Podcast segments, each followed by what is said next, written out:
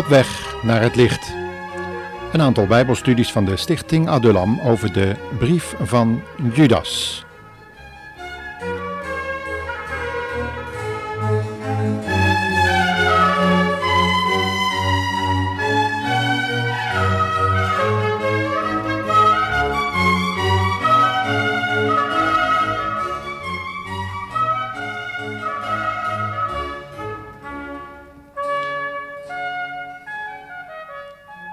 Onze vorige bespreking van de Judasbrief waren we toegekomen aan de verschillende voorbeelden die Judas daar aanhaalt over onder andere Kain, Biliam en ze vergeleken met de dwaalleraars van de eindtijd die in de gemeente, de christelijke gemeente, zouden binnendringen. Het was niet voor niets dat uh, Judas de namen Kain en Biliam noemde. Kain, die een ongoddelijke was, zoals elders in de Bijbel is beschreven, en hoewel vroom, toch met moordzucht in zijn hart was en jaloezie in zijn hart kende, en Biliam, die ook evenzo godsdienstig was en zelfs profetische eigenschappen had, maar die om loon profeteerde, die dus het geld liever had dan de eer van God en de eer van mensen verkoos boven de eer die God alleen toekwam. Deze dwaalleraars hadden dus in hun karakter, in hun trekken, in hun wezenstrekken, Kain en Biliam vertegenwoordigd. Inmiddels zijn we aangekomen bij vers 12 en 13, waar de Bijbelschrijver verder gaat door te zeggen: Deze, hij bedoelt daarmee de besproken dwaalleraars, zijn vlekken in uw liefdemaalde. Als zij zonder vrees bij u berassen en zichzelf wijden, zijn ze waterloze wolken, door winden voortgedreven, bomen in de late herfst zonder vrucht, tweemaal gestorven, ontworteld, wilde golven van de zee die hun eigen schandelijkheden opschuimen, dwaalsterren, voor wie de donkerheid van de duisternis tot een eeuwigheid bewaard wordt. Vers 11 en 12 hebben dus een aantal voorbeelden vanuit het Oude Testament naar voren gebracht. Nu zijn we bij vers 12 en 13 gekomen. En in vers 13 staat onder andere dus van die dwaalsterren. Dwaalsterren, dwaalleraars. Ze namen nog steeds deel aan de liefdemaaltijden. Dat waren in feite gewone maaltijden waar de rijken voor de armen spijs en drank verzorgden en tevens werd er dan het avondmaal gevierd ter versterking van de gemeenschap en de verkondiging van de dood van de Heer Jezus, zoals hij dat zelf verzocht had. In die liefdemaaltijden ging nog wel eens het een en ander fout. U kunt dat lezen in de Korinthebrief. Er waren er zelfs die dronken aan tafel zaten. Deze dwaalleraars zijn echter smetten, schandvlekken bij deze maaltijden. Zij verloochenen Jezus Christus en kennen niet de liefde tot de gemeenteleden. Zij eh, doen eigenlijk denken aan een rots, een klip, een puntig rif, waar een schip op kan stranden.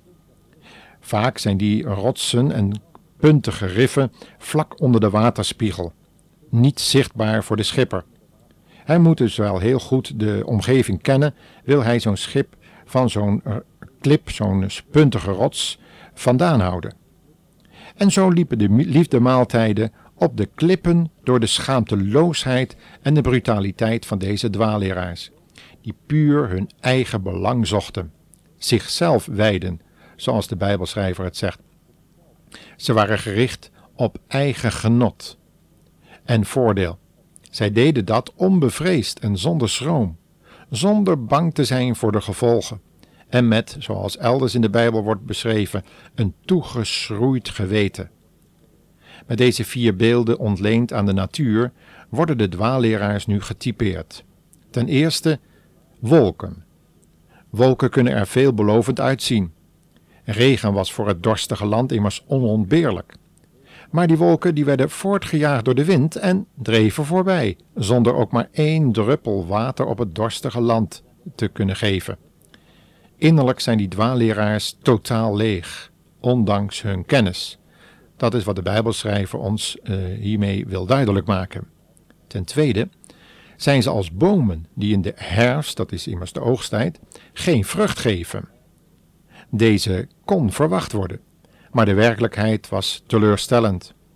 De bomen zijn tweemaal gestorven. Het verlies van blad en vrucht, en tenslotte het volledig dood zijn van de boom zelf, wegens zijn ontworteling. We kunnen daarvan iets lezen in Psalm 52, vers 7. Ontworteld, het wordt hier op goddelozen toegepast.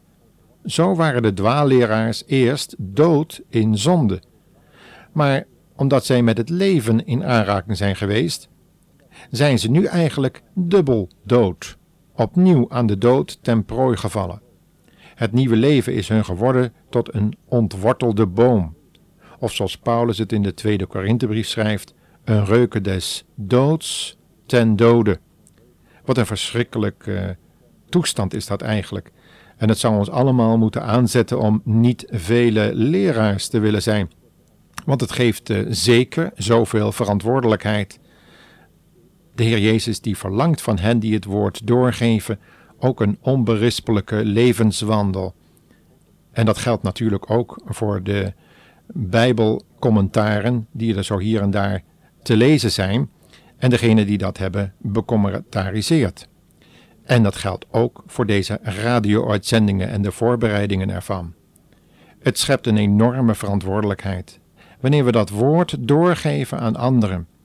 En we moeten zeker tot onszelf inkeren, want het woord is een tweesnijdend scherp zwaard. En u luisteraar die dat woord hoort, het is niet vrijblijvend, zoals dat soms gezegd wordt. Integendeel, het roept op tot een keus. Aan welke kant staat u?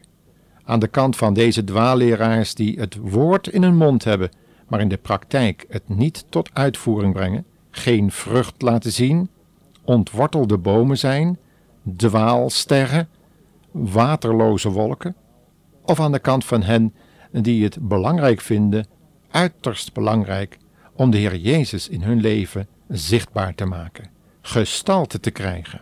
Paulus zei aan de Galatiërs dat hij arbeidde aan hun zielen, totdat Christus gestalte in hun kreeg.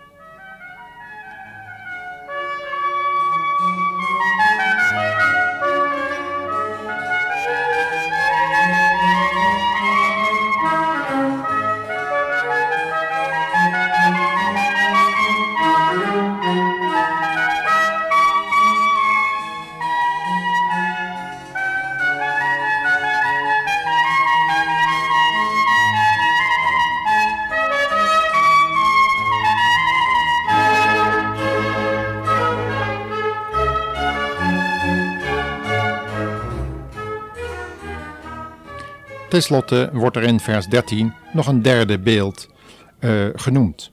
Het is ontleend aan de natuur.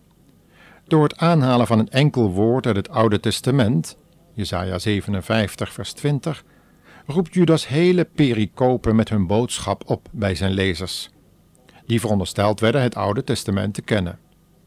Het slijk en de modder van Jesaja 57 vers 20 wordt door Judas ingevuld met de eigen schanddaden van de dwaalleraars.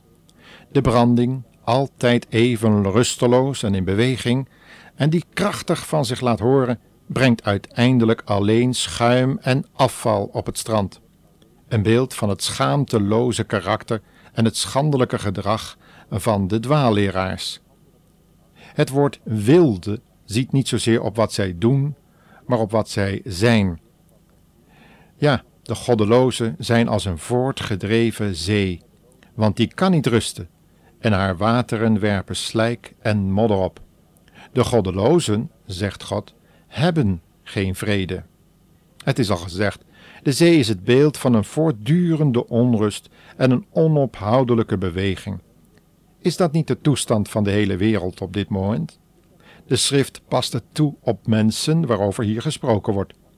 Hoe zouden ze rust kunnen hebben waar geen enkel houvast is. Ze zijn immers ontwortelde bomen, volgens ons vorige voorbeeld.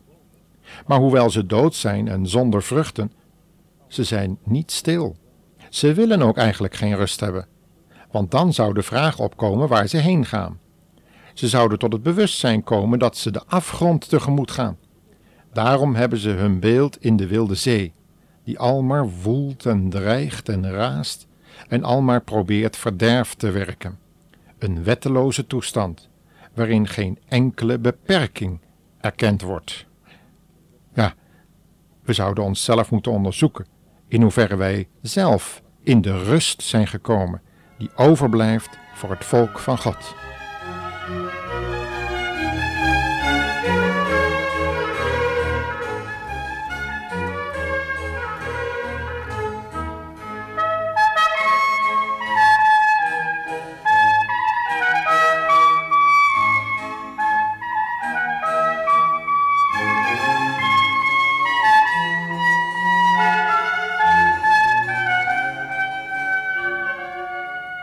Dan is daar nog een voorbeeld uit de natuur.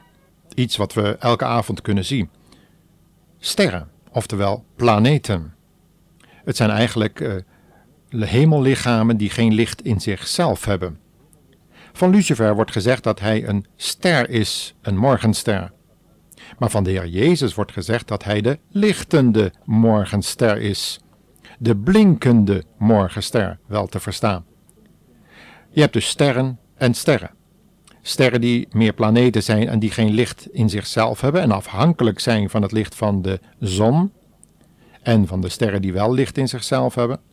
En je hebt sterren die licht in zichzelf hebben. Zoals de Heer Jezus vergeleken wordt, zoals gezegd, met de blinkende morgenster.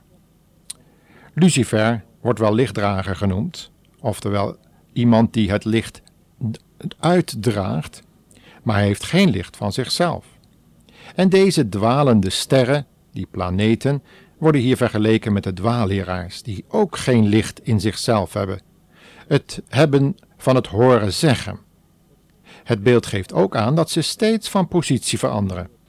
Ze kunnen niet werkelijk als een baken in zee gebruikt worden. Op dwaalsterren kun je je niet oriënteren, want dan zou je verdwalen. De dwaalleraars kunnen er niet ontsnappen aan de donkerte van de duisternis. Ja, dat is Gods oordeel. Over hen is dat onontkoombaar en definitief.